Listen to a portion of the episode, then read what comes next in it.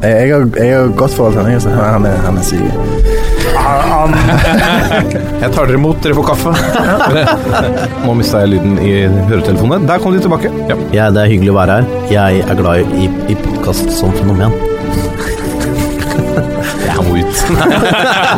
Hjemme mot Lyngen Karnes gikk de på et litt leit 0-19-tap uh, her. Hvilken divisjon snakker vi? Er det tredje eller fjerde? Fjerde, fjerde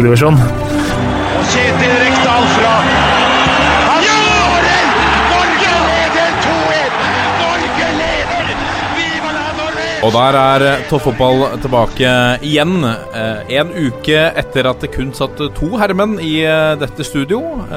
For de som noen ganger klager over at dette studio fylles av litt for mye Vålerenga-innspill og kunnskap. De fikk virkelig vann på mølla, må vi kunne si, i forrige sending. Fordi, Lasse, da hadde du først og fremst velkommen. Jo, takk for det. Velkommen tilbake.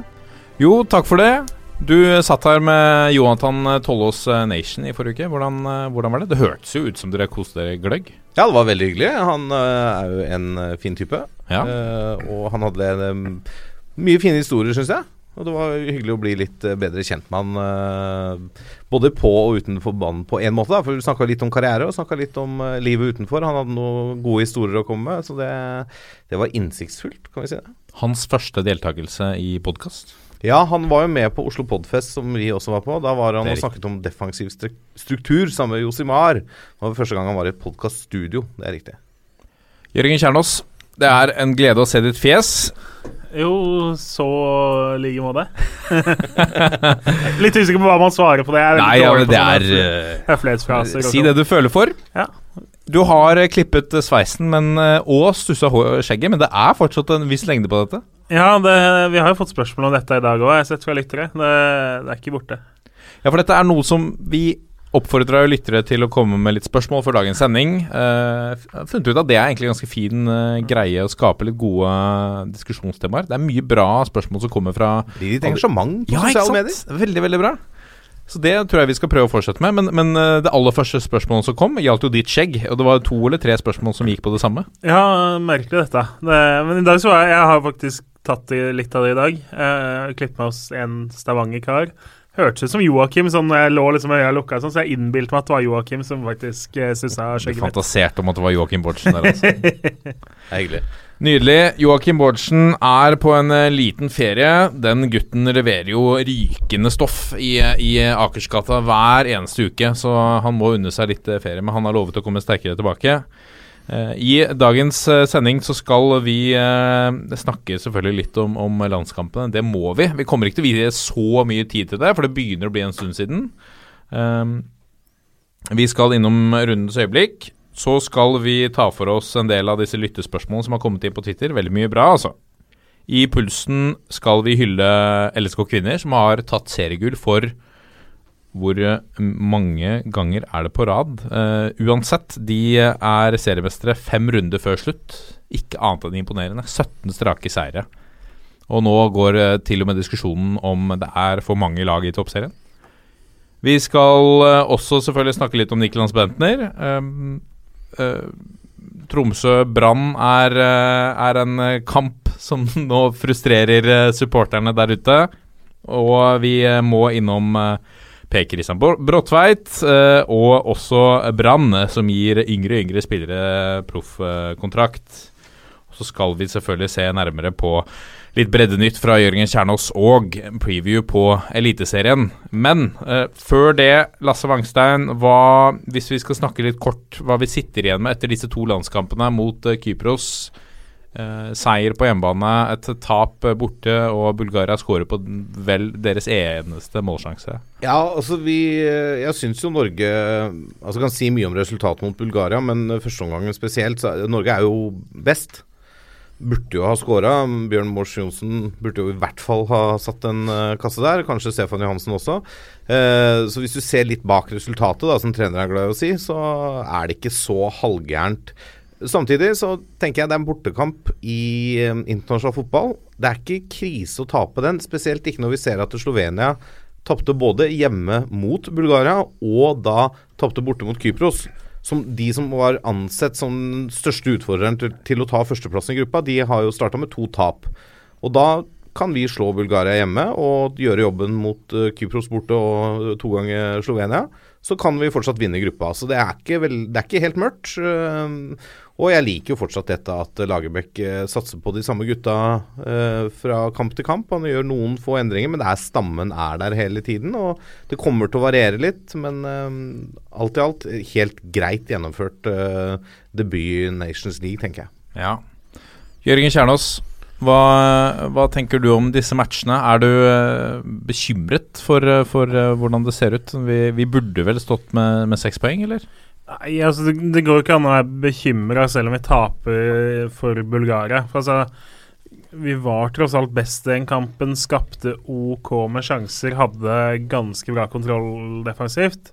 Eh, og så er det jo en del minuser og ting som ikke er bra, men vi er jo Norge, vi er ikke Frankrike, tenker jeg veldig sånn enkelt sånn sett, da. Men eh, det er klart, Slovenia har jo uh, starta med to tap, men at Bulgaria har vunnet begge sine, eh, og nå skal de da Uh, ut og så skal de møte Kypros igjen. Og det er jo denne førsteplassen som teller, uh, og det begynner jo å se litt uh, Det hadde vært veldig mye finere med uavgjort i Bulgaria, kan man vel si. Ja, helt klart. Uh, Men det er som jeg sier, slår vi Bulgaria hjem- hjemme og gjør jobben i de andre kampene, så tar vi dem i hvert fall hvis vi Jeg vet ikke om det er målforskjell eller innbyrdes eller hvordan det regnes ut der, da, men ja, Nei, det er hvem som banner minst i pauseintervjuene. Mer om det senere, si. Dette er toppfotball. Da har vi kommet til rundens øyeblikk, hvor vi har plukket ut uh, et spesielt øyeblikk eller hendelse fra forrige runde i, uh, i de ulike divisjonene i uh, norsk fotball. Og runden som var, så var det ikke så mye eliteserie, det var landslagspause. Ja, Men- Eller er det seriepause? Seriepause er det kanskje. Ja. For det er ikke landslaget som tar pause, det er serien. Mhm. Ikke sant? Lasse Wangstein, har du plukket ut uh, noe til oss? Ja, det kunne vært fristende å sagt at LSK kvinner har blitt seriemester, men siden eh, det kommer senere i uh, sendingen, så droppet jeg det. Jeg, jeg drar rett og slett til PostNord, jeg, altså. Ja, du gjør det? Ja, Fredrikstad var jo en tur i Skien og spilte kamp mot uh, Odd. Og det er jo en kamp eh, vi som har fulgt uh, Eliteserien og Tippeligaen noen år, har sett før. Men nå var det jo Odd 2 mot uh, Fredrikstad. Og det er jo et Fredrikstad-lag som jager opprykk, og de kom under her mot Odd på bortebane. men Kjell Rune Selin, som hadde vært på banen i tre minutter, han utligna. Og to minutter før slutt så avgjorde Tim Nilsen kampen i FFKs favør med sin 3-2-skåring. Og da er det jo Det er jo en scoring som kan vise seg å bli ganske viktig da når vi summerer opp til høsten. For nå ligger de ett poeng foran eh, nærmeste rival i uh, PostNord, og har på én måte litt kurs mot opprykk. Eh, men det må jo gjøre jobben resten av kampene, selvfølgelig. Så dette var på en måte litt sånn øyeblikket for min del denne uken her. Ja. Jeg vil, Kjernås? jo- jeg vil jo ha Fredrikstad tilbake Ja, det, jeg, skjønner det, eh, og jeg er jo enig i det. Spørsmålet er om eh, blir det 10 000 tilskuere hvis, de- hvis de tar et steg opp? Altså, Er det, er det sånne nivåer vi kommer til å ikke det, men det men- kan jo bli det i Ja. enkeltkamper. Ja, Første kampen, eh, hvis de er tilbake, kommer til å være veldig godt besøkt. Ja. Ja. Kjernås, eh, skal du plukke noe fra Ja, vi skal holde hylle? oss i annendivisjon. Uh, jeg er jo litt glad i Hønefoss, som sikkert mange har fått med seg. Det, eh, når jeg sier at vi skal holde oss i andredivisjon, så er jo det det motsatte av hva Hønefoss ser ut som de har tenkt å gjøre. Spilte jo da hjemme mot Mjølner nå på søndag. Eh, leder 1-0, spilte en ganske OK første omgang. Kommer to mot én. Eh, skal bare egentlig vente til forsvareren må ut og støte, trille ballen til sida, så kan han som da får ballen, tuppe ballen i mål. Det ender jo opp med Det ender opp med et eller annet som ser ut som det slappeste skuddforsøket siden 2004, eller et eller annet sånt nå. Eh, Mjølner rett opp 1-1, og så selvmål fra Hønefoss to minutter etter det. 1-2, og kampen er snudd. Hønefoss faller helt sammen, taper 4-2. Nei. Eh, Åtte poeng opp til sikker plass og sju kamper igjen. Man har plukka ti poeng så langt. Det, nå møter man Bærum hjemme til helga. Det er jo en kamp som må vinnes, men det selv om man skulle vinne fem av de sju siste, så er det ikke sikkert det er nok. Så eh, neste år så ser det ut som jeg faktisk kan få sett Hønefoss Årvoll. Eh, Årvoll har jo tatt virkelig grep i sin fjerdedivisjonsavdeling. og Hvem heier du på da? Nei, vet du hva, jeg veit ikke. Det, det, det er vanskelig. Ja. De møttes jo i cupen for ti år siden. Eh, Hvem heier du på da? Altså, Da var det sånn at Hønefoss var såpass god at de faktisk kunne nå et stykke i cupen. da. Mm. Uh, nei, neste år det, det blir vanskelig. Det blir half and half-skjerf uh, den kampen. så det er, hvis det er noen som har tenkt å selge, så er det i hvert fall én som kjøper. Men det, Blir det half kit wanker? ja, noe sånt noe. Det blir en litt snål situasjon. Og det er klart, nå snakker vi om Odd 2. I verste fall så møter Hønefoss Odd 3 neste år. Eh, det er da litt under fem år siden. Det er der de sentrale telemarkingene deres de fyller dem inn på andre- og tredjelaget. Kanskje det? Ja. Mm. Mm. Pass deg nå. Du kan få fagme på døra. Ja, det kan hende. Men uh, syns du det var riktig av Hønefoss å sparke Frode Løfton? Ja, det, det er vanskelig å si ja, da, men altså Man hadde på en måte Noen ganger så har du godt av å høre ting fra et annet uh, ansikt og en annen munn, kanskje. Uh, man, noe måtte prøves. Jeg skjønner veldig godt at man uh, prøvde. Og så er man jo i den snåle situasjonen at han er jo fast ansatt i klubben. Så hva som skjer hvis det blir nedrykk, og Tor Todesen skal kun være ut høsten. Så får, man vel se hva som skjer da. Var et siste desperat forsøk på å prøve å Ja, berge det, altså kanskje? Bedre å prøve noe enn å ikke ha prøvd eh, på noe, er vel litt tanken bak, tipper jeg.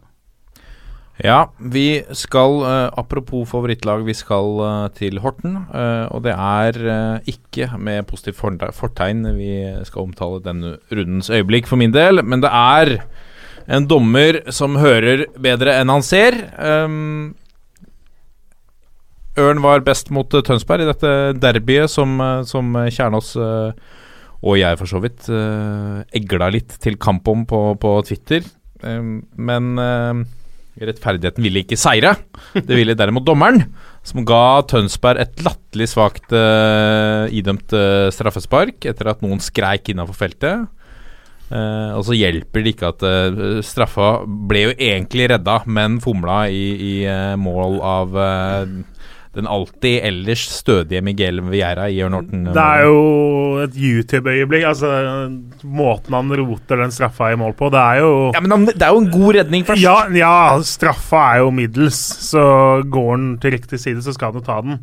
Men eh, så klarer han jo da å ramle opp på ballen og dytte den inn i Altså, det ser helt fryktelig ut. Det, Men det er jo mye Altså, når det går i straffespark, ballen kommer i ganske høy fart fra ganske kort hold, og du skal egentlig bare prøve å konsentrere deg om å stoppe den. Og så vet du ikke alltid hva som skjer når ballen eh, Du bare merker at du treffer ballen, og så vet du ikke kanskje helt hvor ballen havner etter det.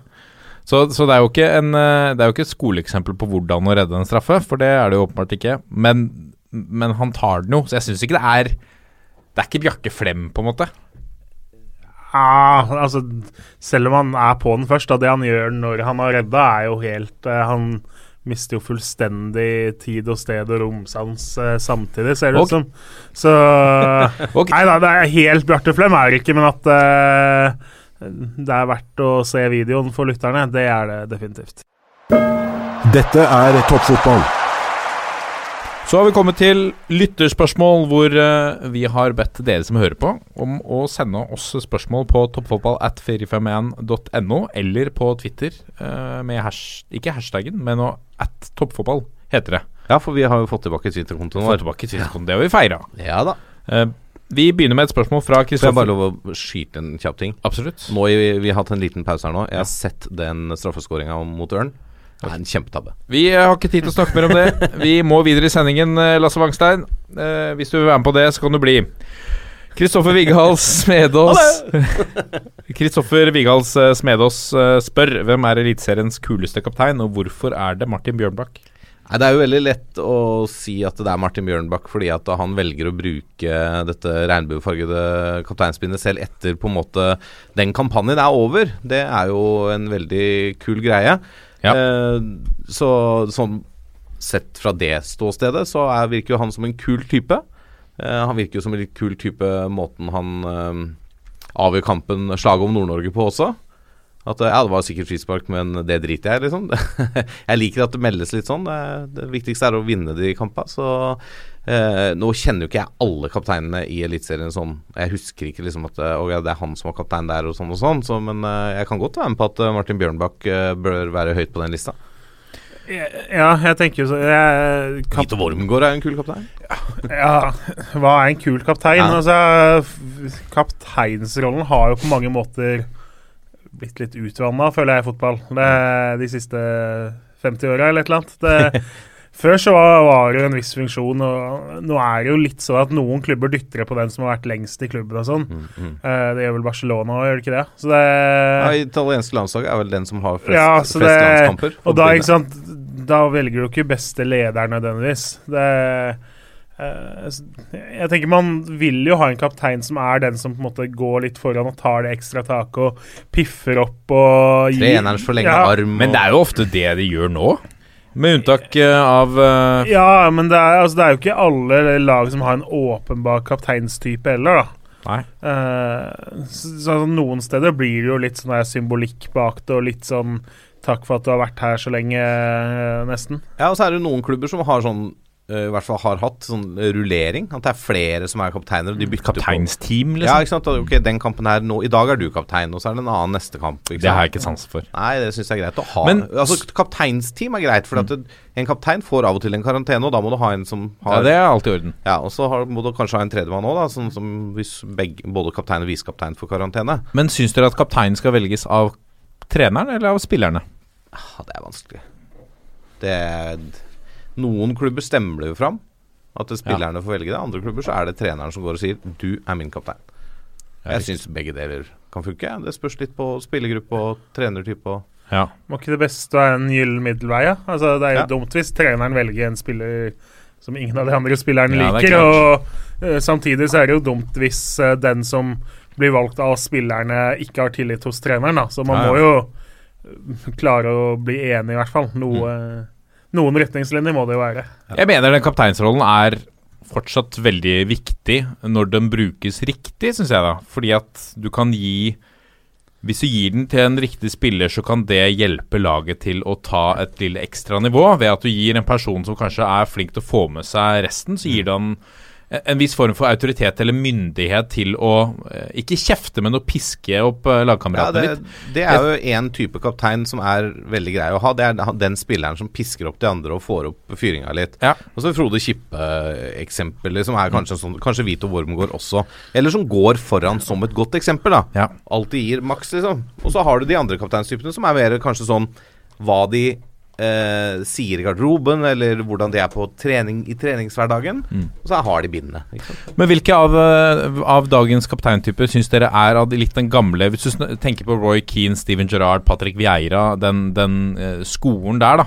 Eh, Kjetil Rekdal, for den saks skyld. Altså eh, Som er litt den eh, Ikke motivatoren, eh, kanskje, men som, som drar Som skyver laget litt, litt eh, foran seg når de, når de har bindet på armen.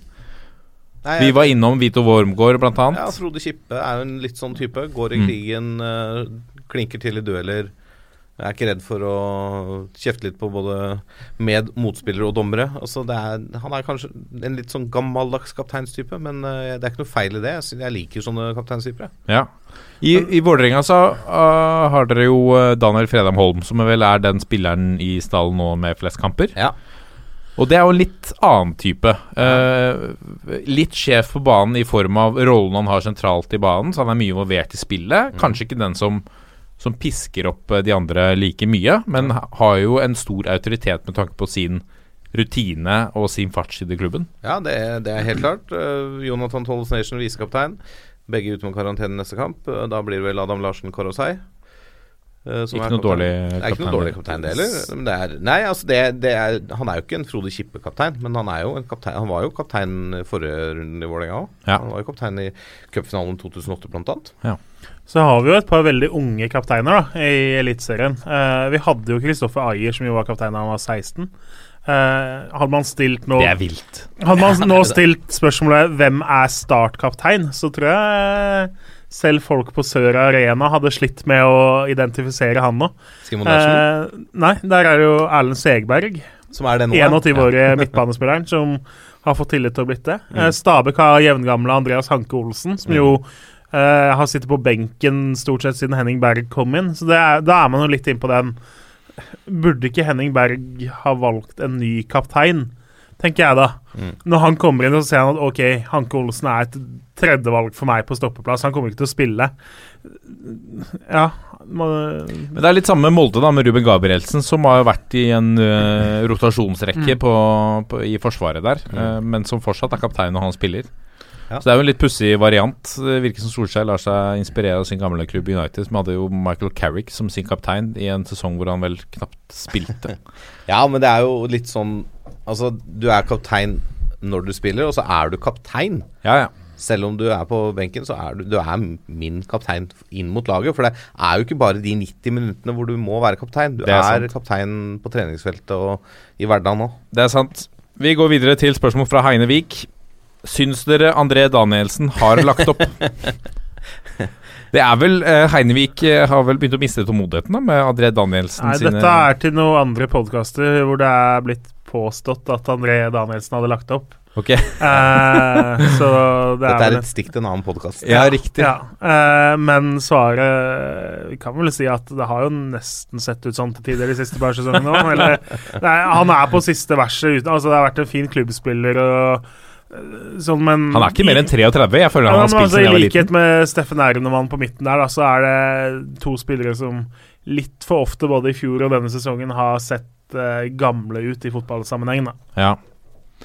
Vi går videre til Christian Johansen, som lurte lurer på um, Eller han skriver Kåre Ingebrigtsen er ledig på trenermarkedet. I hvilken klubb hadde han passet? Og hva med Erik Hoftun? Er han hovedtrenermaterial? Lasse Wangstein, hva er dine umiddelbare tanker? Ja, min umiddelbare tanke er at Kåre Ingebrigtsen har blitt ekspert for Discovery. Det er og riktig. den rollen er satt på vent fordi han har stevna Rosenborg for uh, uh, måten de sparka han på. Ja. Da kan ikke han sitte og melde noe om Eliteserien og gullkandidat Rosenborg.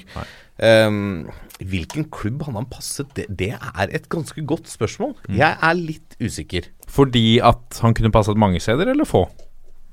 Ja, det, det er det jeg er litt grann usikker på, da. Mm. Hvor godt hadde han passet? Uh, ja, altså Jeg tror han måtte funnet seg en klubb som er villig til, eller som er en veldig typisk 4-3-3-klubb, da. Uh, som spiller litt sånn rosenborgsk fotball. Det er jo fristende å, å tenke på Bodø-Glimt, som jo han som er. han har vært i før. og som eh, har en modell nå som har fått litt kritikk, med Bjørkan og Kjetil Knutsen. Ja, det er fristende å tenke Ranheim. Ja, ikke sant? Skulle å flytte. Ja. Uh, men eh, det skal vel ikke bytte trener i Ranheim med det første, vil jeg tro. Det han har jo ikke. gjort jobben og vel så det.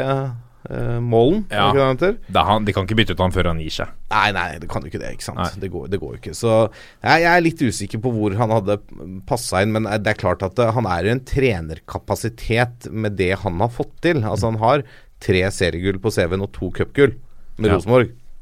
Kan du si at ok, det kunne sikkert andre klart også med den klubben og de ressursene, men han har likevel fått det til, og han var godt likt av spillergruppa. Av en kravstor spillergruppe. Altså Det er mye profiler der som har sterke meninger. Det har vi jo sett, uh, sett helt uh, klart. Så at han kunne tatt over uh, de fleste klubbene i Eliteserien og gjort det bra der, det er jeg helt overbevist om. Hva med Ja, nå har jo Det er jo flere klubber nå som har signert trenere for litt eh, lengre tid. Og det det, det er ingen andre enn de Altså enn kanskje Bodø-Glimt, da, som vi har nevnt som, som hvor det er mulig at det skjer et skifte ganske snart. Nei, vi hadde jo fem-seks skifter i sommer, da. Ja. Så det er jo liksom hvor Det er ikke tida for uh, nytt skifte på så veldig mange steder. Jeg tviler på at Sandefjord Ja, det kan jo hende at de uh, Marti Sipientes i, i Sandefjord går, da, hvis de rykker ned til Ja, Obos-ligaen. men jeg tror den var litt sånn når han tok over, så ok, det, du må liksom regne med at de rykker ned. Ja. Med, den- med det utgangspunktet. Og så får, eh, hvis de ikke rykker ned, være bonus, og så skal han være der for å bygge det laget opp fra Obos igjen, tenker jeg da. da han har tenkt litt mer langsiktig enn kanskje det så ut som det blei med, med Magnus Powell, da. Beholder Rekdal jobben da, hvis de havner i Obos? Han har signert to og et halvt år. Eh, ja, jeg tror han beholder jobben, men om han selv velger å gå av, det er jo en helt annen sak. Mm. Men jeg tror ikke han blir sparka. Kjernås, tror du Erik Hoftun har uh, hovedtrenerpotensial? Det har jeg ikke jeg håper jeg, det, sett nok av. Men det, uh, det er jo delte meninger i Trondheim om jobben han har gjort, i hvert fall som sportssjef. Da, så ble han jo på en måte sparka ned til å bli assistenttrener isteden når Bjørneby kom inn og tok den jobben. Så eh, veldig usikker på om det er noe han kunne tenke seg, eller hvor han passer i fotballen. Det har jeg ikke noe godt svar på. Nei. Andreas Stueflåtten eh, lurer på hvilke tiltak, annet enn å prestere bedre sportslig, kan klubbene gjøre for å fylle tribunene? Ja, det her har vi jo Det er ikke så mange episoder siden vi snakka litt om det, hvor Bårdsen vel meldte ølsalg. Ja, ikke sant? Men det er jo Altså, sportslig er selvfølgelig pri én. Eh, men jeg tror også hvis du klarer å kombinere sportslig med en grad av lokal tilhørighet på banen, så vil det også trekke tilskuere. Mm. Eh, Det er jeg helt overbevist om. Og så er vi da tilbake igjen til at eh, ja, det er nedgang i tilskuertallene, men det er ikke bekmørkt. Det er ikke så ille som vi skal ha det til når vi leser eh, nyhetsoppslag. For vi må se litt bak tallene. Ikke sant? Hvilke lag er nede? Altså er ikke Eliteserien nå? Hvilke har de blitt erstatta med? Sånn tilskuerpotensialmessig eller størrelse på stadion. Eh, vi må se litt på antall tilskuere sammenligna med innbyggertall. Der er Norge ganske høyt. Jeg tror på tredjeplass i Europa. Jo, det tror jeg, ja. Ja, så det er, det er ikke så halvgærent. eh, men det, selvfølgelig, man ønsker jo alltid fulle stadioner. og Altså Sånn som vi hadde på Åråsen i forrige runde, og sånn det ser ut til å bli på Inntil til nå, og sånn det er på Lerkendal nesten hver runde. ikke sant? Det er det du vil ha. Du vil ha fulle stadioner og trøkk, og sånn som Sarpsborg holder på nå med europaspill og sånn. Så, eh, men det, det er masse ting som faller på plass. Det kan være prissetting, ikke sant. Eh, det kan være et tilbud i den byen det laget spiller i, at det er så mange andre ti- fritidstilbud at det, fotball blir nedprioritert. Da må du finne en eller annen knapp å trykke på til å få folk til å gå på stadion. Det kan være pris, da. Mm. Ok, Så får du heller tjene litt mindre per tilskuer, da. Og heller få fylt stadion. Ikke sant? Istedenfor å selge billett for 300-400-500 kroner. Kanskje ha flere hundrekroners billetter, da, eller sånn stunt på kamper. Sånn som Start gjør nå. ikke sant? Én krone billetten mot Lillestrøm. Det kan være et stunt hvis de da får 500 av de til å komme på neste kamp, så er den kampanjen en suksess. Ja, ikke sant. Gjøre et par sånne stunts i løpet av sesongen, kanskje? Ja, kanskje av og til, i hvert fall. Ja. For å liksom uh, rekruttere noen nye supportere. For du skal ikke liksom fylle stadion neste gang fordi du gir én krone billetten i den ene kampen, men det kan gjøre at du rekrutterer x antall hundre, som igjen kanskje rekrutterer noen, og så begynner ballen å rulle. Og så må, tror jeg, er viktig måten fotballen omtales på i media. Folk ser seg veldig blind på overskrifter og krigstyper og sånne ting. Og det, det, når jeg snakker med folk som ikke følger så mye med på norsk fotball Ja, men faen, norsk fotball er jo bare ræva, og det er dritt og Ikke sant? Fordi at det har satt seg at norsk fotball er ræva. Ja, ja, men det er jo pressen skriver jo ikke det. Det er jo folk, det er jo folk Ja, der ute det, som det, er snakker jo, om det. det har jo vært noen år nå hvor uh, norsk fotball ikke nødvendigvis har blitt hylla opp i skyene, verken på landslagsnivå eller Og, og, og mye av det er selvfølgelig fortjent, men er du f.eks. rettighetshaver, eller hvis du er eh, er, en, er presset Du skal selvfølgelig se på kritiske saker og sånne ting, men det går også an å trekke fram mer positive greier med fotballen. Altså hva, hva fotballen betyr for folk. Det er, det er mange ting man kan gjøre. Jeg sier ikke at det er pressens jobb, men altså, ja. Vi, kan, vi, kan, vi skal vel snakke litt om uh, Tromsø Brann kommer vel et annet spørsmål. Ja, det er jeg riktig. sitter og har fyrt meg opp litt over saker og ting. Så Ja, Det gleder jeg meg til. Det, gleder vi oss til, Kjernås. Kjernos. Eh, her kommer et spørsmål til uh, som er aller mest retta til deg, tror jeg, fra Stian Olsen, som lurer på hvis dere skal se inn i spåkula, hvilke to lag rykker opp fra Post Nordligaen, og hvilke møtes i kvalik? I den ene avdelinga så har jo, eh, som vi snakka om, Fredrikstad og Raufoss eh, stukket litt av. Eh, det er vel fem og seks poeng ned til forfølgerne nå. De møtes om halvannen uke. Eh, det blir en seriefinale. Fredrikstad er favoritt eh, for meg og for de fleste andre. Og så ligger det da an til at Raufoss tar kvaliken i den avdelinga. Uh, I den andre avdelinga så syns jeg Skeid ser sterkest ut. De leder også med to poeng ned til Hødd. Og så er Egersund fem poeng bak. Skeid-Egersund i helga. Ender den borteseier, så blir det veldig spennende der. Eh, vinner Skeid, så tror jeg de er sterkere enn Hødd og sikrer opprykket. Så liten potensiell tidlig seriefinale også der, da. Eh, det er ja, Hødd-Egersund jevnt. Eh, Egersund er fryktelig god høstform, så jeg tror de kommer og kniper den kvaliken og møter da Raufoss. Ja, spennende. Det er spennende innspurt i Det er jo veldig, veldig tett. Etter at det har blitt to avdelinger, så skiller det jo lite. Det er jo fortsatt sånn at halve avdelinga i begge avdelinger har et reelt håp da, om å være med og kunne ta kvalik eller opprykk ennå, og det er spilt 19 runder. Ja. Så Sånn var det jo ofte ikke før. Da var det jo nesten avgjort før uh, pinse, stort sett. Så man har jo fått litt det man var på jakt etter. da Litt, eh, litt færre sånn storseiere og stortap, og, og litt tettere oppgjør, tettere ligaer og, og Ja, jevnere annen Annendivisjon har, har vi jo kalt for uh, på en måte en uh, førstedivisjon i mini, litt mindre format tidligere. Uh, det er det. Det er jevnt, og det er veldig få av de utklassingseierne. Og Vidar, som jo eh, lå nest sist før runden, slo da serieleder Hødd i helgen. Så det eh, Sånne resultater finner du i alle serier, da. Men eh, eh, likevel, det er jo på en måte også et, en bekreftelse da, på at det kan være jevnt. Ja, Vi går videre til et spørsmål fra Mats Bergvik. Dvs. Si et ønske om at vi diskuterer Ada Hegerberg og Tromsø Brann, men det skal vi komme tilbake til. Ja. Men Ada Hegerberg ble jo bedt om å kommentere, og det jo Jeg deler jo landslagsjentenes eh, eh, frustrasjon her også, ved at eh, med en gang de gjør det bra, så kommer med en gang fokus over på Ada Hegerberg. Når skal hun tilbake på landslaget? Det går telefoner til Frankrike med spørsmål om det. Men det må jo gå an å si at det er ikke Det er ikke så rart når du har en av verdens beste eh, kvinnelandslagsspillere med norsk pass, at, at man begynner å diskutere det, eller? Nei, det er bare å se tilbake da Zlatan eh, hadde en liten pause fra det svenske landslaget, hvordan det fungerte der da. Og egentlig opp mot VM òg, da han var uaktuell, men snakket som var rundt, som han selvfølgelig bidro til selv også. Eh, det, er, altså, det, det er klart at det må tas opp. Eh, men jeg syns jo også det blir litt sånn derre når TV 2 setter fire journalister på en sak for å skrive at Ada Hegerberg har sletta venninne på Facebook og Instagram, liksom. Det syns jeg blir kanskje litt uh, overkill, eller? Ja. Men det, det, men det er jo interessant for det man ønsker å skape der, er en diskusjon. Har hun Vil hun ta av, altså Orker hun ikke se på landslagssuksess? Tar hun såpass avstand fra det at hun Ja, det virker jo litt sånn, da. ja, Det er jo det de vil fram til. Ja, hun ønsker å fokusere på klubben sin. Ja. Og hun har tatt et standpunkt at hun ikke vil være en del av det landslaget.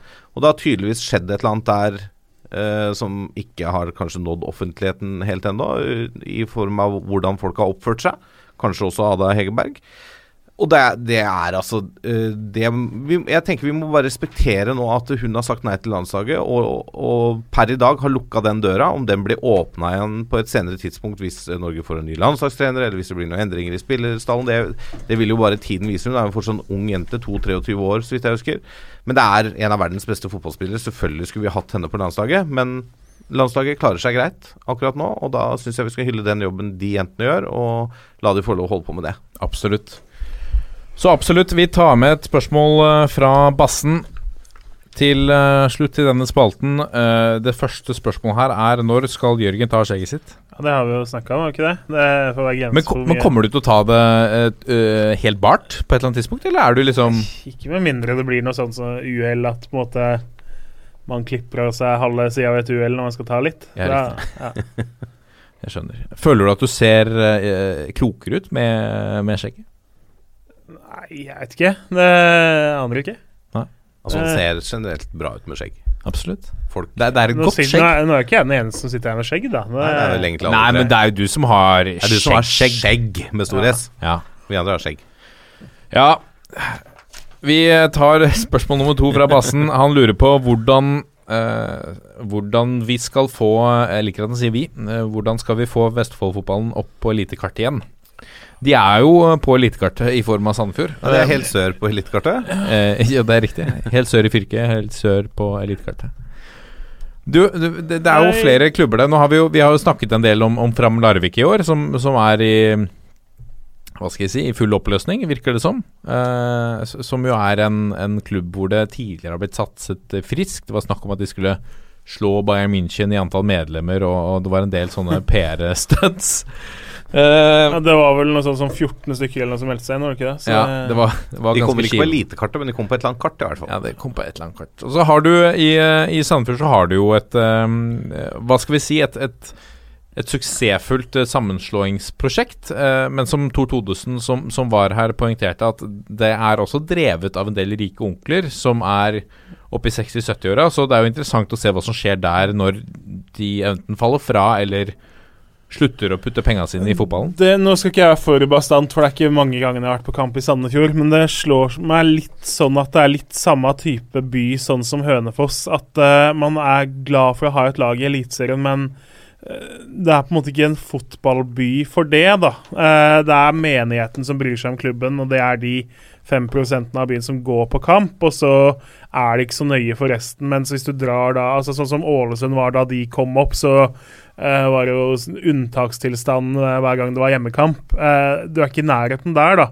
Uh, og så tenker jeg litt sånn at Vestfold da, det er et lite fylke, det er kort til nabobyer osv. Uh, det er kanskje ikke Nå er jo du fra Vestfold og kan synes at det er håpløst eller riktig, eller et eller annet, men Uh, jeg tenker at er du på en måte bor du på en knaus langt ute i eh, havet, da Rolig nå. Altså, ja, altså, ta for eksempel Haugesund, da. Der, der er du veldig Haugesund, og bor du på Karmøy eller Det er liksom Haugesund som er stedet. Mens i Vestfold så er det på en måte Larvik, og det er Horten, og det er Tønsberg, og det er Sandefjord, og eh, for oss som bare kjører forbi på motorveien, så gjesper du, så har du gått glipp av avkjøringa til den ene byen. På en måte. Ja, altså sånn det er, jeg, jeg ser for meg at nå er jeg veldig langt over på noen sånne demografiske ting som ikke har så mye med fotball å gjøre, men at kanskje ikke stedstilhørigheten, altså stedsfølelsen og stedskjærligheten er så stor på et sånt sted som det det er hvis det er veldig langt til nabobyen, da. Du sikter til at, at eh, region, eller fylket er såpass lite at, at der måtte alle byene slutte opp rundt ett lag? Er det du Ja, altså, Vestfold er jo, for oss som ikke er derfra, så er ikke Vestfold det fylket med den klareste identiteten i landet, da. Det, altså, skulle du karikert en trønder eller en østfolding eller en finnmarking eller en hordalending, da, så hadde du på en måte umiddelbart hatt stereotypen din, men hvem er en stereotyp vestfolding? på en måte? Det er en fyr som Rolf Wesenlund. ja, det er en fyr som pendler inn til Oslo med toget og pendler tilbake igjen, tenker jeg da. Altså, ja. Eh, ble veldig sidespor, men eh, Liker det. ja, altså, litt av problemet da, som jeg vil frem til, er kanskje er på en måte de byene her spiser litt sånn opp hverandre. da, At eh, det er for mange middels store byer til at man klarer å samles som ett uh, lag. Og mye stolthet i Eh, hver by. Ikke sant? Ja. Altså, I Troms så er jo Tromsø byen. Uh, så folk fra fylket Det er Tromsø som er fylkeslaget ditt, det er jo ikke noe tvil om det. Men det er jo ingen i Horten, eller sannsynligvis veldig få i Horten eller Tønsberg, som har Sandefjord som sitt lag. Da holder du med Ørn eller FK Tønsberg eller Eik eller er, Ikke sant? Så man klarer liksom ikke å samle mer enn den menigheten fra Sandefjord som da eh, tilfeldigvis ikke hadde noe lag fra før av fordi de ikke er innflyttere fra Oslo eller Horten eller hvor det Ja. enn er. Så det du sier egentlig er at, at eh, byene er for eh, nærme hverandre Jeg i sier at man må tvangsflytte hele Horten Ja. inn i Sandefjord. Uh, nei, men at det sannsynligvis er vanskelig da på et sånt sted å bygge noe mer enn det Sandefjord faktisk bygger nå. Uh, og at det er en veldig veldig langsiktig og tung jobb, og da må man gå hardt på Sandefjord kommune og fylke, uh, nei, kommune, og bare tenke at det her er ikke gjort på lang tid. Og så må man også kanskje tenke på at når man har supportere, så bør ikke hver eneste lille forseelse føle eh, til trusler om livstidsutestengelser, da, tenker jeg også. Hva sikter du, nå, eh, sikter du til nå? da? Nei, nå, Vi skal jo snakke litt mer om supportere, men uh, i Sandefjord så er det jo bl.a. sånn at uh, folk som har lyst til å hoppe litt eller vifte litt med flagget underveis i kampen, omtrent har vært uh, svartedøden. da. Uh, der har vært veldig skeptiske til en litt mer sånn sydlandsk eh, tribunekultur. Ja. Eh, og så har sikkert ikke de gjort alt riktig, alle disse som er utestengt der heller. Men Sandefjord virkelig å være en av de klubba som har forstått minst av måte, supportkultur og tenkt at det å møte dem med en hard hånd, det er den eneste måten å gjøre ting på. Ja. Det er ikke helt uh, bra, da. For vi vil jo ha litt liv og røre på, på tribunen. Men dialog fungerer kanskje bedre enn å bare si ha det. Ja, det vil jeg, det vil jeg si. Uh, med det sagt, da, så, så hvis eh, Ørn nå tar steget opp i, i Post Nord, uh, som er noe helt annet Men det er det jeg, jeg, jeg aner litt at, at man eh, kanskje ikke i i hele Fotball-Norge har forstått at Post Nord-ligaen er en virkelig stor greie nå. Altså, Det er ikke som annendivisjon back in the day. Nei, nei. Så hvis du rykker opp dit, så har du, altså, da har du tatt store steg. Ja, da har du Eh, tatt store steg. Men du må også huske uh, rundt Vestfold-fotballen, da. Uh, Det går ikke bare på eh, supporterkultur og lokal tilhørighet til lag og sånn, men det går også på uh, konkurranse om spillere. Ja. Odd i Skien, Sandefjord, eh, kanskje Ørn da i Post Nord. Godset Godse i Drammen, Mm. Stabæk, ikke sant. Uh, det er mange lag i kort Sarpsborg rett over fjorden, Fredrikstad rett over fjorden. De konkurrerer om samme gruppe spillere, på en Ja, måte. da. riktig. Ja, Hvis du skal hente litt sånn halvlokalt, da. Ja. Og da, det er klart, da, da er det vanskeligere å bite seg fast enn hvis du har hele Troms og Finnmark fylke for deg sjøl. Nå kommer pulsen. Da er vi kommet til pulsen, og vi begynner pulsen med å hylle Lillestrøm, som er seriemestere i toppserien fem runder før slutt. Er imponerende. Eneste som er skuffende ved det, er vel følelsen av å ta gullet fra sofaen kontra banen, eller? Ja, men altså når du har vunnet alle kampene i årets sesong, Så så, så veit du at du blir seriemester. Ja, for de har altså tatt 17 strake seire i årets sesong. Ja, og tar du med fjoråret, så er de på 28 eller noe sånt? ikke? Uten- 26 26. kamper på rad nå. Ja, det er imponerende. Og det er, altså det er jo bare å gratulere Lillestrøm, som blir seriemester, som noen i det studiet her spådde før sesongen. Ja.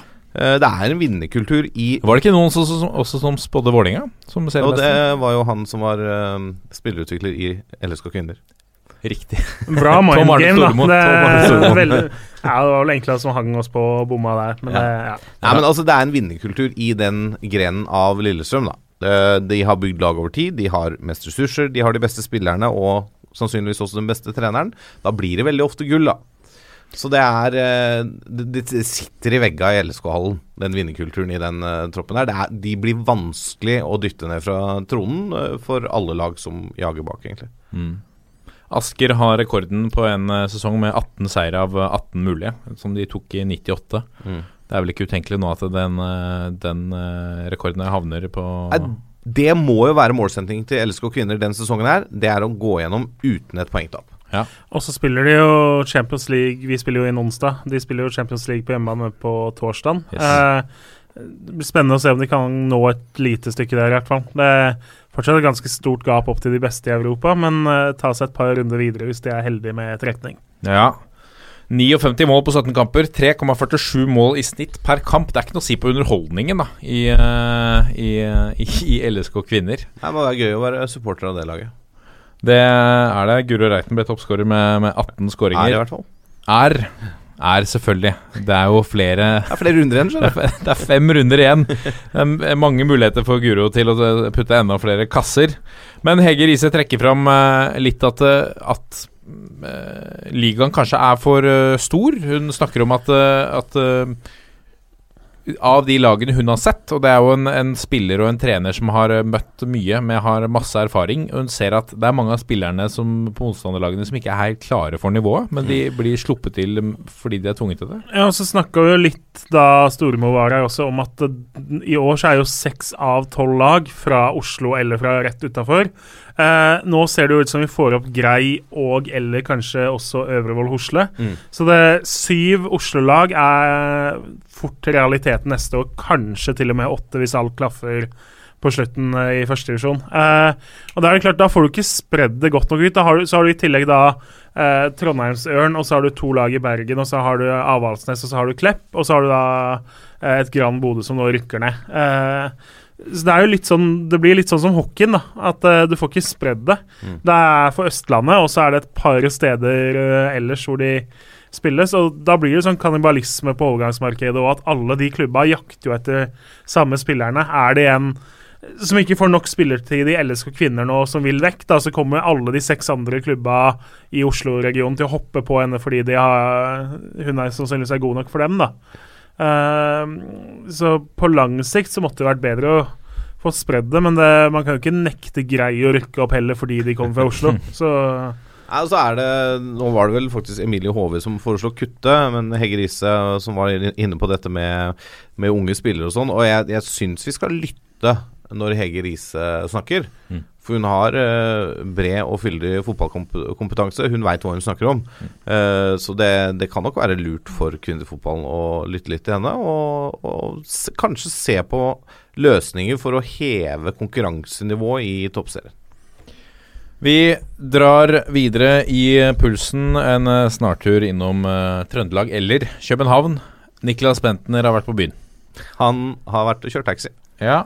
Eh, og det er jo ikke kommet noen eh, Han er vel anmeldt. Det er ikke kommet noe tiltale eller dom eh, mens vi sitter her. eh, men det er eh, Dan Taxi som er selskapet som, som jo sier at de har klare bevis på hva som har skjedd. Og så har eh, jo Niklas Bentner og hans eh, kjæreste, som eh, da var i bilen, og var eh, på utsiden av bilen da dette skjedde, har jo sin egen historie om at dette var i selvforsvar på en angripende taxisjåfør.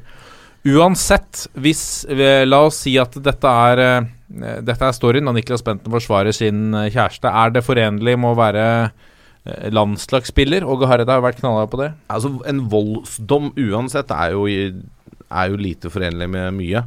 Ja. Uh, men er det i selvforsvar, hvis han følte seg trua fordi denne Hvis det stemmer kjærestens uh, versjon, at uh, taxisjåføren kom løpende etter de og kasta en flaske etter de, og han følte seg trua og da slo i selvforsvar, så kan jeg forstå det. Ja. Hvis taxisjåførens eh, versjon stemmer, eh, så er ikke dette bra. Eh, altså Det er jo ikke bra uansett. Men det er, det er jo en kjedelig sak for Rosenborg, det er en kjedelig sak for Bentner. ikke sant? Det er, men men jeg, det må jeg få lov å si, som jeg også påpekte på Twitter her om dagen, jeg syns Rosenborg hånd, håndtert saken eh, bra. Ja. Ut ifra forutsetningene. Det er begrensa hvor mye du kan si som klubb. Eh, du må forholde deg liksom til eh, litt sånn personvernet til din egen eh, ansatt. Og, og det er, hvis det er en personalsak, så kan du ikke si så mye, men de sier det de kan, på en måte. Um, og så må vi nå egentlig bare avvente en eventuell straff, da. Og så får Rosenborg ta et valg når den Blir han dømt, så får de ta et valg. Da, om de kan ha en voldsdømt spiller i stallen, eller om det er nok til å på en måte avslutte kontraktsforholdet. Det blir jo spennende å se. Men og der kommer litt andre faktorer inn i bildet. For da kommer litt omdømmemessige ting eh, også inn. Og da er spørsmålet Kan du Kan du sparke en spiller som du har henta inn for 25 millioner kroner?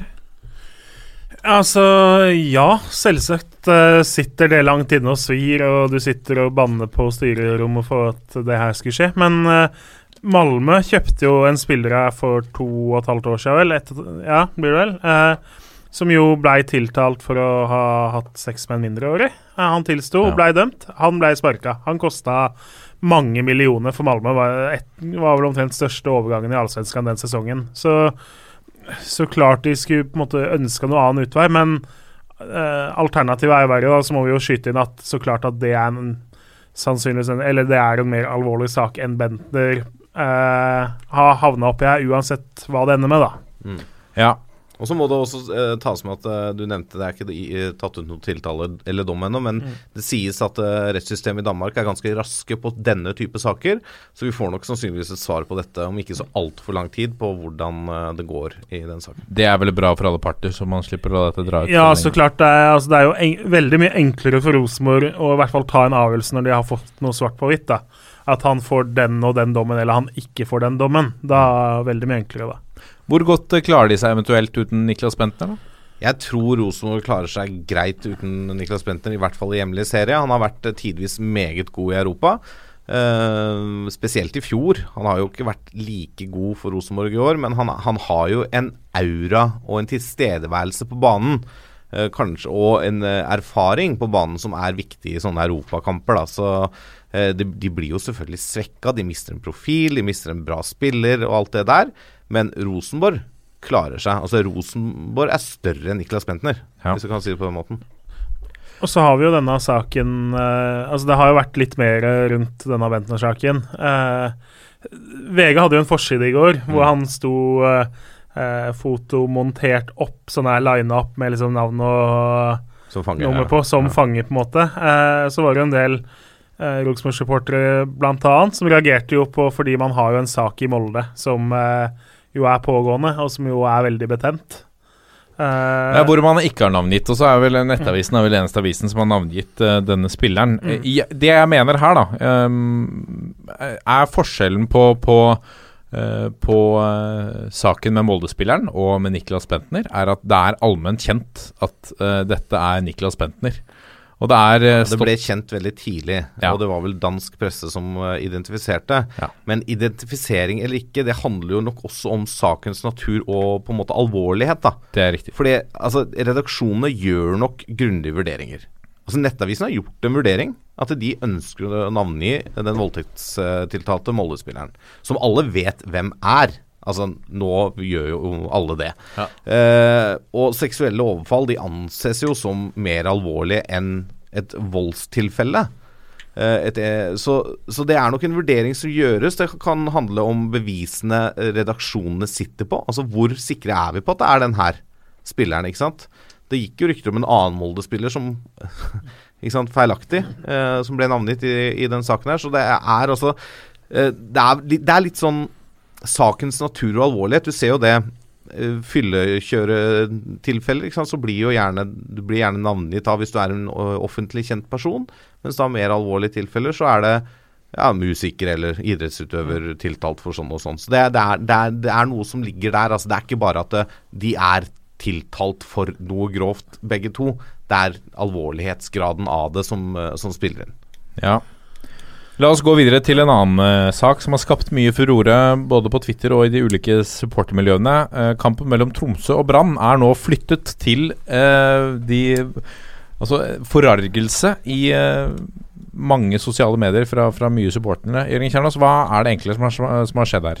Nei, det som har skjedd, er jo at Sarpsborg og Rosenborg skal spille Europaliga. Sarpsborg Godset var egentlig satt opp mandag eh, som mandagskamp. Fordi Sarpsborg skal spille torsdag nå, så ønska man å få flytta den kampen til søndag.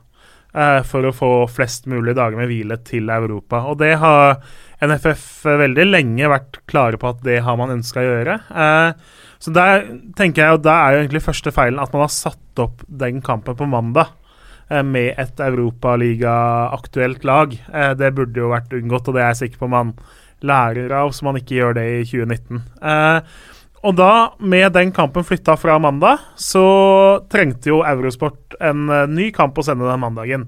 Det skjønner jo alle. Og så eh, vil jo de ha best mulig kamp, og da har de funnet at av kampene vi ikke allerede sender på TV, så er Tromsø-Brann den beste kampen for oss å sende. Og det skjønner man jo, og så kan man si at de betaler 400 millioner kroner i året, så, og alt sånn, og det skjønner man at de da selvsagt vil ha de beste kampene. Men det her skjer jo da altså under tre uker før den kampen, og viktigst, det er jo en kamp som det er ganske vanskelig å komme seg til. Tromsø er for nesten alle supportere den eh, vanskeligste matchen å komme seg til, fordi det ligger lengst nord. Eh, det går ikke fryktelig mye fly, du må ha hotell. Eh, så alle de her faktorene gjør at når du da får vite at den kampen her skal spilles søndag klokka seks, så bestiller du fly og hotell for å unngå at det blir fullt eller for dyrt. Eh, så, så klart sitter man da i Bergen og er forarga over at eh, på så kort varsel så flyttes den kampen her. Eh, og det ja, og jeg kjenner jeg fyrer meg opp litt, da. Fordi Én ting er at Eurosport har alt sånn på det tørre, sånn eh, rent lover og regler, og de har ikke gjort noe feil sånn sett. Men tenk nå på disse som faktisk er da det det handler om, da. Tenk på de 50-60-70 bergenserne som har bestilt seg tur, og nå har jo da Widerøe tilbudt seg eh, å ombooke sånn at man får reise og sånn, og kjempebra PR-stunt for dem, og hjelper forhåpentligvis mange av disse supporterne òg, da. Eh, men at ikke Eurosport kan ta inn det hensynet når de flytter en kamp på tre ukers varsel, det sliter jeg veldig med å skjønne. Eh, Ja, det, jeg er for så vidt helt enig i, i det, at det, det bør være med i vurderingen. Men der må jo kanskje også da Eurosport uh, rettledes litt av uh, sitt kjære forbund, da. Eller, av- eller av vårt kjære fotballforbund, eller av norsk toppfotball. Eh, og si at det kan hende at akkurat denne runden her så er, kan det være greit òg. Men de har jo en De har jo gjerne en prioriteringsliste. Hvilke kamper ønsker vi å vise på åpen kanal, og hvilke ønsker vi som mandagskamp, lørdagskamp og søndagskamper og sånne ting. Eh, og jeg er helt enig, de har sitt på, på det tørre, og dette er ufattelig kjipt for uh, supporterne. Det, og det er, det, er, det er tidsfristen som er problemet her. Hadde dette kommet for halvannen uke siden Oppsettet kom jo egentlig jeg tror det er 1. juni, at de Ja. egentlig satte opp resten av sesongen. Ja, og de har vært forbilledlige på å sette opp uh, oppsettet tidlig. Uh, så dette er jo et sånt unntak, på en måte. At de, de trår litt feil her. Men uh, vi har visst i hvert fall siden 31.8 at uh, Sarpsborg skulle spille gruppespill i Europa. Da kunne det, det skiftet kommet 1.9. Man har Altså. flyttet kampen tidligere. Ja, Ja. og offentliggjort det. Flytta den kampen tidligere enn 10.9., eller 9., eller hva det var. Ja. Det, det hadde vært mulig. Eh, og da hadde det vært enklere å booke om. Det hadde vært enklere å endre forpliktelser på jobb og hjemmebane og alt sånt. Uh, det, hadde, det hadde sett mye bedre ut enn å komme med det under to uker før kamp. Ja, for det, altså, På generelt grunnlag så mener jeg altså, Det er jo mye sutring hver gang man får mandagskamp eller får en langtur klokka åtte på søndagen. da. Eh, men at et Brann som leder serien, eller at Rosenborg eller da Vålerenga, Molde, de lagene som er interessante for folk flest, ikke bare supporterne, at de klubbene får flest TV-kamper, det ligger jo på en måte i Uh, hele greias natur, da. Ja, Eh, man sender jo ikke Sandefjord uh, Start som klokka åtte-kamp på søndag hvis du har Rosenborg og Molde samtidig. Det skjønner alle, selv om Molde-supporterne kommer hjem midt på natta. Sånn er det. Men, så vanligvis så har jeg ikke liksom altfor stor forståelse for supporterne her, selv om jeg skjønner at det er kjipt for Rosenborg-supportere at det veldig ofte blir dem. Eh, men her, som sagt, det er tidspunktet, og så er det det at Uh, I tillegg litt sånn at man fra Eurosport sier at man har vært i dialog med klubbene, mens Brann jo forteller at de har egentlig bare blitt dirigert og fortalt at sånn blir det. Ja. Uh, stå nå i hvert fall for valget da og si at dette er synd for supporterne, men vi gjorde det sånn denne gangen. Uh, ikke dra sånne halsting om at vi har vært i dialog med klubbene. Ja, for dia, dia, Dette uttrykket dialog har jeg hørt Da, da høres det ut som Brann har sagt ja, det er greit for oss. Og det sier jo Branns daglige leder at hun ikke har gjort. Ja. Hun sa vel til BA at vi ble fortalt at det ble sånn, og det høres mer sannsynlig ut, det. Vi skjønner at det er en komplisert jobb med, med terminlista ja. og alle kampene, men, Men eh, eh, jeg må dra Jeg, jeg var jo ikke her forrige uke. Eh, apropos supportere. skal, skal det smelle mer? Ja, for nå Odd hadde jo Molde hjemme, apropos denne saken med Molde-spilleren. Eh, Odd-supporterne, Odderne, dro fram et ikke altfor elegant banner. Eh, hvor det var Altså, det handla om at det var da med en voldtektstiltalt, og at de hadde rike onkler, og at de dro da på treningsleir til Dubai. Så var jo ikke denne banneren veldig liksom den vinner ikke noe årets supporterbanner Europa 2018. Det, liksom, men det som irriterer meg, da, er at Odd går ut etter kampen, og så unnskylder de seg til Molde eh, for dette banneret. Eh, og det gjør man liksom offentlig, å gå ut i avisa og si beklager til Molde for det her. Og, det, og jeg kjenner at det er så langt unna liksom, min tanke om supporterne, da. Eh, og det de faktisk må lov, få lov til å styre rundt på tribunen. Fordi denne saken med voldtektstiltalen, da. Én ting er at Molde er kjipe nok til å nekte alt av bannere stort sett på egen hjemmebane, men på bortebane, og når Odderne har sitt felt, så, så lenge de holder seg innafor anstendige grenser og lover og regler og sånn, så mener jeg at da må du tillate at supporterne kommer med noe sånt, selv om du ikke liker det som klubb. Jeg skjønner at Odd ikke likte det og helst ville ha liksom god stemning og nå har vi det koselig og spiller om tre poeng, og så er alt ferdig, istedenfor å få litt sånn ubehag og at supporterne skal mene noe om sånne saker. Men eh, du kan ikke gå ut og si unnskyld for at man gjør det, altså. Det, altså, uff. Vi har blitt et sånt forbanna krenkorama i det landet her, føler jeg. Altså det er, Vi blir jo krenka av det minste ting, ikke sant? Og, og det er måten du håndterer det på. Altså, vi kunne jo lagd en egen eh, syvtimers spesial om Moldes håndtering av voldtektssaken. Ja. Altså, og bare å nekte noen å ha et banner hvor det sto mot voldtekt på. Når Mot er en av sponsorene til Molde. Det er jo helt latterlig å gå ut og sutre i media fordi at Rosenborg synger 'Hater Molde by', som er en supportersang. Altså, Snakk om å bli krenka da, når du selv sitter der og, og har så dårlig kommunikasjon og så dårlig håndtering av en selvfølgelig en forbanna kjip sak for alle parter. Det er klart det, men du må skjønne at supporternes natur er at folk kommer til å reagere når sånne saker kommer fram. Det, det ligger i hele supporterryggmargen. Og det er vel litt deres oppgave også, å være en Eh, slags ja, altså, skal ut motstanderen. Altså, når spiller du med en voldtektstiltalt spiller, så må du regne med at motstandernes supportere, vil bruke det. Så klart. Altså, tenk eh, hvordan man ville brukt det i land hvor vi ikke er så snille som i Norge, da, på tribuner. Det, Nei, Øh, jeg syns uh, Jeg hadde aldri sagt unnskyld for noe sånt. Jeg kunne godt snakke med supporterne og si at det her var ikke så stilig, og tenke litt bedre over hva dere men hold det innafor veggene. Eh, ikke gå ut og si unnskyld for sånne ting. Det, Ja, for det de gjør, er jo de tar jo på en måte parti med Molde kontra egne supportere. Ja, Man sier jo at egne supportere har gjort altså, jeg har gjort noe dumt, og gjort noe feil og gjort noe galt, og det Nei, det, det har man ikke. Nei. Vi går videre til uh, Haugesund. Per Kristian eh, Bråtveit eh, gir seg på U21-landslaget. Han er lei av å sitte på benken. Hva tenker du om det? Jeg tenker at det er helt greit. Det er en fair sak. Jeg forstår poenget hans. Uh, han føler kanskje at han er vel så god eller bedre enn Sondre Rossbakk. Fair nok. Trenerne mener Rossbakk er den beste. Også helt fair. Eh, men jeg er glad for å se at landslagsledelsen ikke lar seg presse til å da gi han noen kamper for å holde han i troppen. Mm.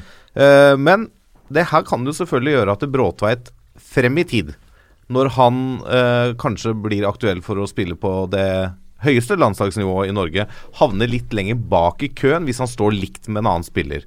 Men den vurderinga Fordi han gjorde dette, eller fordi at det er enklere å ta et opprykk fra U21 til A? Ja, jeg tenker at det kan jo hende at det er lettere å gjøre et opprykk hvis du er U21 fast keeper og går opp.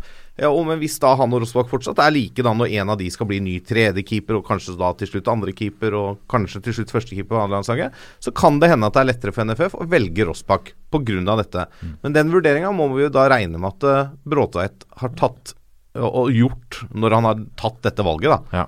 Så Det jeg syns er kjempeinteressant Altså Bråtveit var veldig god i 2017. I vår så syns jeg han var veldig varierende, og det sa trener Horneland òg. Eh, sa noe veldig interessant i den saken her om at han syns Bråtveit kom tilbake som en litt dårligere keeper hver gang han hadde vært på landslagssamling. Ja. Fordi det å dra dit og på en måte skulle være på reise uten å få spille og eh, fly hit og dit, det tappa han litt for energi og krefter. Så Bråtveit har jo da sannsynligvis også tenkt at for han så er det viktigere å være den beste mulige Haugesund-keeperen i år. Eh, og det, hvis han tjener 2-3% da på å droppe de turene her, så er det mye bedre for han, klubben og karrieren hans enn å ha de kampene på benken for U21. da. Så jeg skjønner det. Og så har vi jo da Vilja Myra kom jo inn i den troppen, så det er ikke noe sånn at Norge står med noe krisetilstand hvis Rossbakk blir skada heller. Nei, Vi står Men, vel på keeperfronten mer forspent, bedre forspent enn på mange år. Ja, men det er jo, holdt på å si, Apropos Odd, da. Det er jo en litt snål situasjon på trening for dem. tenker jeg da, at De mister jo faktisk begge sine A-troppkeepere i mange dager i strekk. Det er sant. Eh, så eh, jeg ser jo for meg at de som kanskje kommer dårligst ut av hele greia, er jo faktisk Odd på ganske kort sikt. da. Ja, og juniorkeeperen juniorkeeperne i Odd kommer veldig bra ut av dette. For de får mulighet til å får jo trene med mye erfaring, da, men det Ja.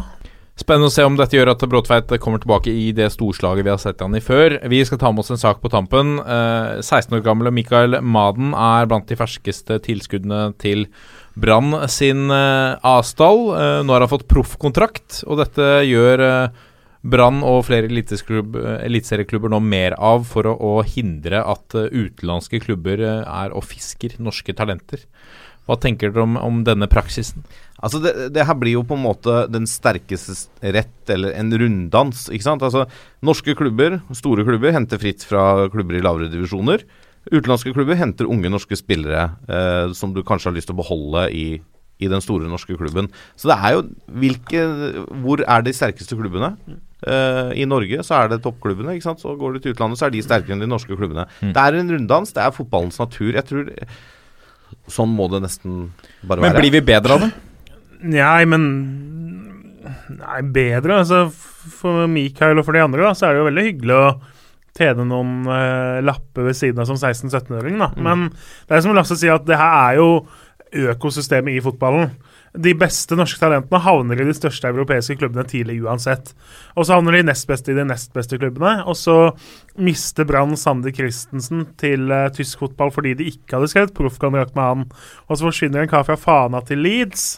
Og- altså, de, det er en billig forsikring for dem da, å ta de største talentene på proffkontrakter. Uh, Men, har vi, men vi, har vi sovet litt i timene her i Norge? Altså Med tanke på hvor, hvor uh, Ser utenlandske klubber på, på Norge som et litt marked hvor her, er det, her kan du hente billige talenter?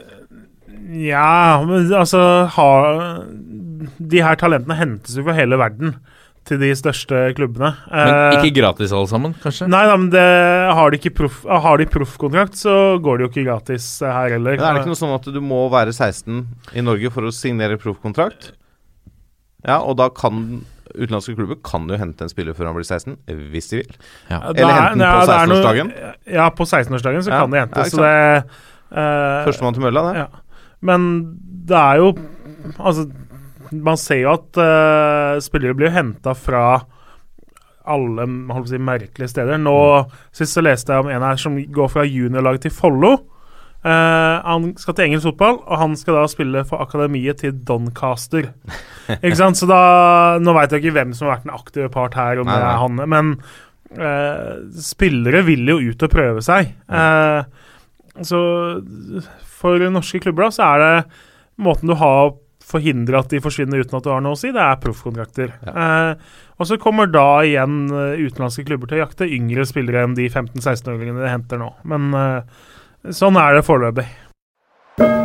Dette er toppfotball. Og da er vi klare med en ny runde Breddenytt ved Jørgen Kjernås. Vær så god. Jo, takk. Eh, vi skal først og fremst snakke litt om det her årets dang eh, og sånn, eh, tenkte jeg. Ja. Eh, For men- årets dang er jo denne kåringa hvor vi finner en storskårer i lavere divisjoner som vi tror kan ta steget opp. Yes. Eh, men først så må jeg jo stille et spørsmål til det. I stad var jeg veldig slem og tok den start. Den var vanskelig, og jeg hadde sjekka svaret og sånn. Dere kan få lov til å gjette hvem som er Norges dårligste lag i øyeblikket. Og så kan dere I få alle divisjoner? og så kan dere jo få et hint om at det er et uh, lag Lasse jo har et ambivalent forhold til uh, for tiden. Uh, Valdres? Nei, i dette studio Han har et ambivalent ambivalent Er det et Ranheim-lag? Ranheim er Norges dårligste fotballag! Ok. Og vi snakker ikke Ranheim 2 eller 3, vi snakker Ranheim er Norges dårligste fotballag. Ok. Fordi Ranheim toppfotball spiller jo i Eliteserien. Ja. Ranheim IL, altså breddedelen av klubben, real. de spiller i sjette divisjon. De er ikke så gode som uh, navnebrødrene sine, kan vi trygt si. Eh, Men er de i samme klubb? Ja, men altså, det er jo sånn topp. Skeid og Vålerenga ja, har vel lag som heter det, og sikkert mange flere. Ja. Uh, for det her er jo da breddedelen av klubben. Uh, på tolv kamper så har de 7,85 i målforskjell. Oh. Eh, nå sist så møtte de da storlaget Tyholt-toppen, eh, som da topper tabellen. Tjolt-toppen. Eh, rolig 2-14-tap for eh, Ranheim den kampen. Så det eh, Det som derimot er verdt å merke seg, er at eh, kapteinen pådro seg rødt kort i denne kampen. Og da tenker du at åh, det blir sikkert forbanna og sånn, men når han da veit at uh, neste kamp er borte mot Bjørgan 2 slash Osen slash Steinsdalen, så er det litt kjipt tabellmessig, for de har tapt alle kampene sine, bortsett fra da de slo Ranheim. Men med tanke på at det er vel tre, tre og en halv time hver vei, inkludert ferge, så skjønner du jo kanskje hvordan det røde kortet oppsto, uten å skulle felle noe dom. Så Ranheim er faktisk ett av ti lag uten poeng så langt i år, men er da av de det laget med dårligst målforskjell eh, per kamp. Så akkurat per nå så kan vi faktisk si Ranheim er Norges dårligste fotballag. Har du sett? Har du sett. Har du noe på Har du noen storskårere, Kjernas? Ja, på Dang, når jeg prøvde å gå gjennom og se litt, altså Litt av problemet er at mange av de som skårer mye mål, har øh, Spesielt i fjerdedivisjon, alle nesten som har over 20 mål der, er spillere som er i midten av 20-åra eller oppover, og veldig mange av dem har spilt høyere opp før. Ja, riktig. Eh, For eksempel. Eksempel Morten Hillestad fra Trott, som har hamra inn mål for Stord i en årrekke tidligere. Kristoffer Folland fra Averøykameratene er også en sånn som går igjen her og har spilt i Strindheim tidligere, annet. Eh, Kim Brenna i Fuvo har 28, han har spilt tredje med dem og spilt i Lørenskog. Men dette er jo ikke tidligere Nei, det er ikke elite, men altså, det er jo spillere som da nå er på feil side av 25. Å ja, du føler at de er på vei ned? Ja, altså Har du spilt i førstedivisjon som 20-åring og 6-7 år seinere spiller i fjerdediv, da så er det jo kanskje ikke den kurven vi leter etter i denne kåringa, selv Nei. om 28 mål og sånn er dødsimponerende. Uh, uh, vi har noen. Uh, en som er veldig sans for, er Kristoffer Stava. Han har veldig den profilen vi leter etter i Vardi. da. Han kom fra Dang. I Dang. Dang er det nå, selvsagt. Eh, kom fra Okra til Sotra i fjor høst, på lån. Skårte syv mål på ni kamper da. Eh, I år så har han for serieleder Sotra i tredjedivisjon skåra 17 mål. Eh, og han er da kun 20 år gammel. Oi, shit. Så her har vi på en måte en mann som har spilt litt tredje, litt fjerde. Nå er han på vei opp i annendivisjon, og han er ung, da. Så Hva var hans navn igjen? Kristoffer? Stava. Kristoffer Stava. Yes. Eh, vi har også en mann i Frigg som kommer fra Sørlandet. Så har flytta han til Oslo, spilt for Heming eh, i fjerdedivisjon og ikke spilt så mange kamper. da, Har tydeligvis ikke vært den med høyest oppmøte på match. Gikk til Frigg eh, før sesongen og har nå hamra inn 17 mål for Frigg. Eh, Vital Kurt Kurtis Kaba eh, med 17 mål der, også en mann å følge litt med på, som da er helt ubeskrevet på høyere nivåer enn det han gjør nå, da. Eh, I Kjelsås i annendivisjon så har du Walid Idrissi. Har spilt i Løy, Lyn og Lørenskog annet tidligere. Ikke skåra så mye. Skårte lite i fjor for Kjelsås. Og så plutselig slått til og skåret 13 mål da i annendivisjon i år, som er imponerende. Ja.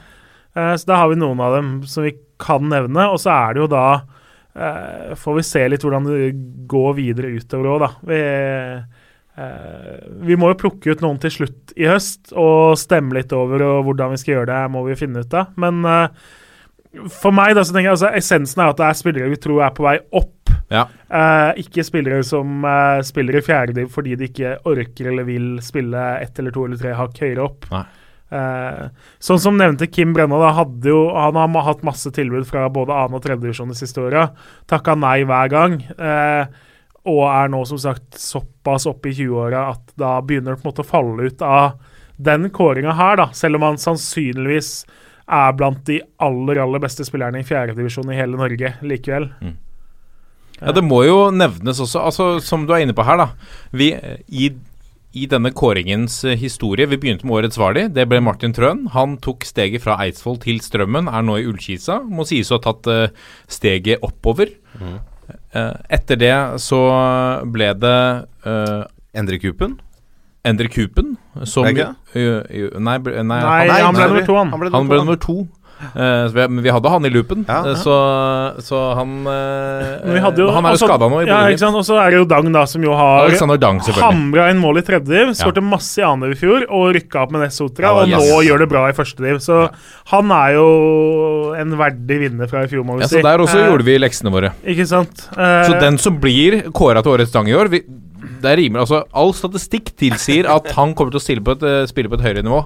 Ja, det er jo en spiller i annen, tredje, fjerde div eh, som eh, vi tenker at har potensial til å gå oppover i divisjonen og gjøre det bra, da. Ja. Det er jo vanskelig å finne nye Vardi eller nye Karev eh, eller nye Solskjær. Så, eh, men en spiller som da kan lykkes på et av de to øverste nivåene. Dette er toppfotball. Og da skal vi endelig se nærmere på neste eliteserierunde, og vi begynner i Haugesund, eh, Kjernås, med hjemmelaget som tar imot uh, Brann. Ja, med rundens uh, toppoppgjør. Det er jo da tredjeplassen som tar imot annenplassen. Og uh, skal Haugesund ha noe håp om å hente inn Brann, så bør de jo helst vinne den kampen her. Og skal Brann ikke la Rosenborg uh, seile av gårde i toppen, så trenger jo de tre poeng, de også.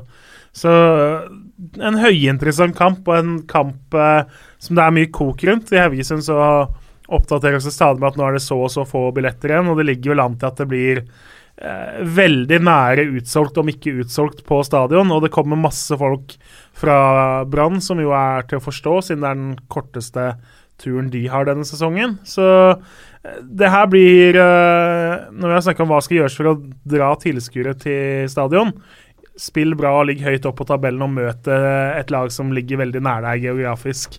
Eh, det er en god oppskrift. Å, det var så enkelt. Eh, når det gjelder selve kampen, så er det jo som altså Brann, disse nykommerne som det har vært snakka veldig mye om både her og andre steder, det, de har jo ikke satt sitt preg ennå. Nå starta Ruben Yttergård Jensen forrige kamp, men Bamba var suspendert.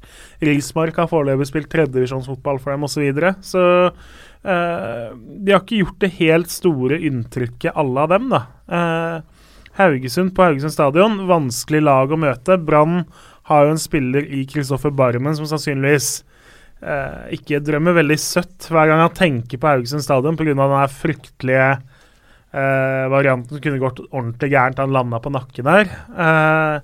Så det er jo et moment Hvis man skulle dekka den kampen her, så ville man jo prøvd å høre hva tenker Barmen om å reise tilbake dit. Ja. Uh, når det gjelder selve det sportslige som skal skje, så syns jeg det er en det er en sånn kamp som er veldig vanskelig å spå. Det blir lite mål, og det blir veldig jevnt. Noe annet vil overraske kjempemasse. Så hvis man sier 1-1, så er man vel ikke helt på bomtur, tipper jeg.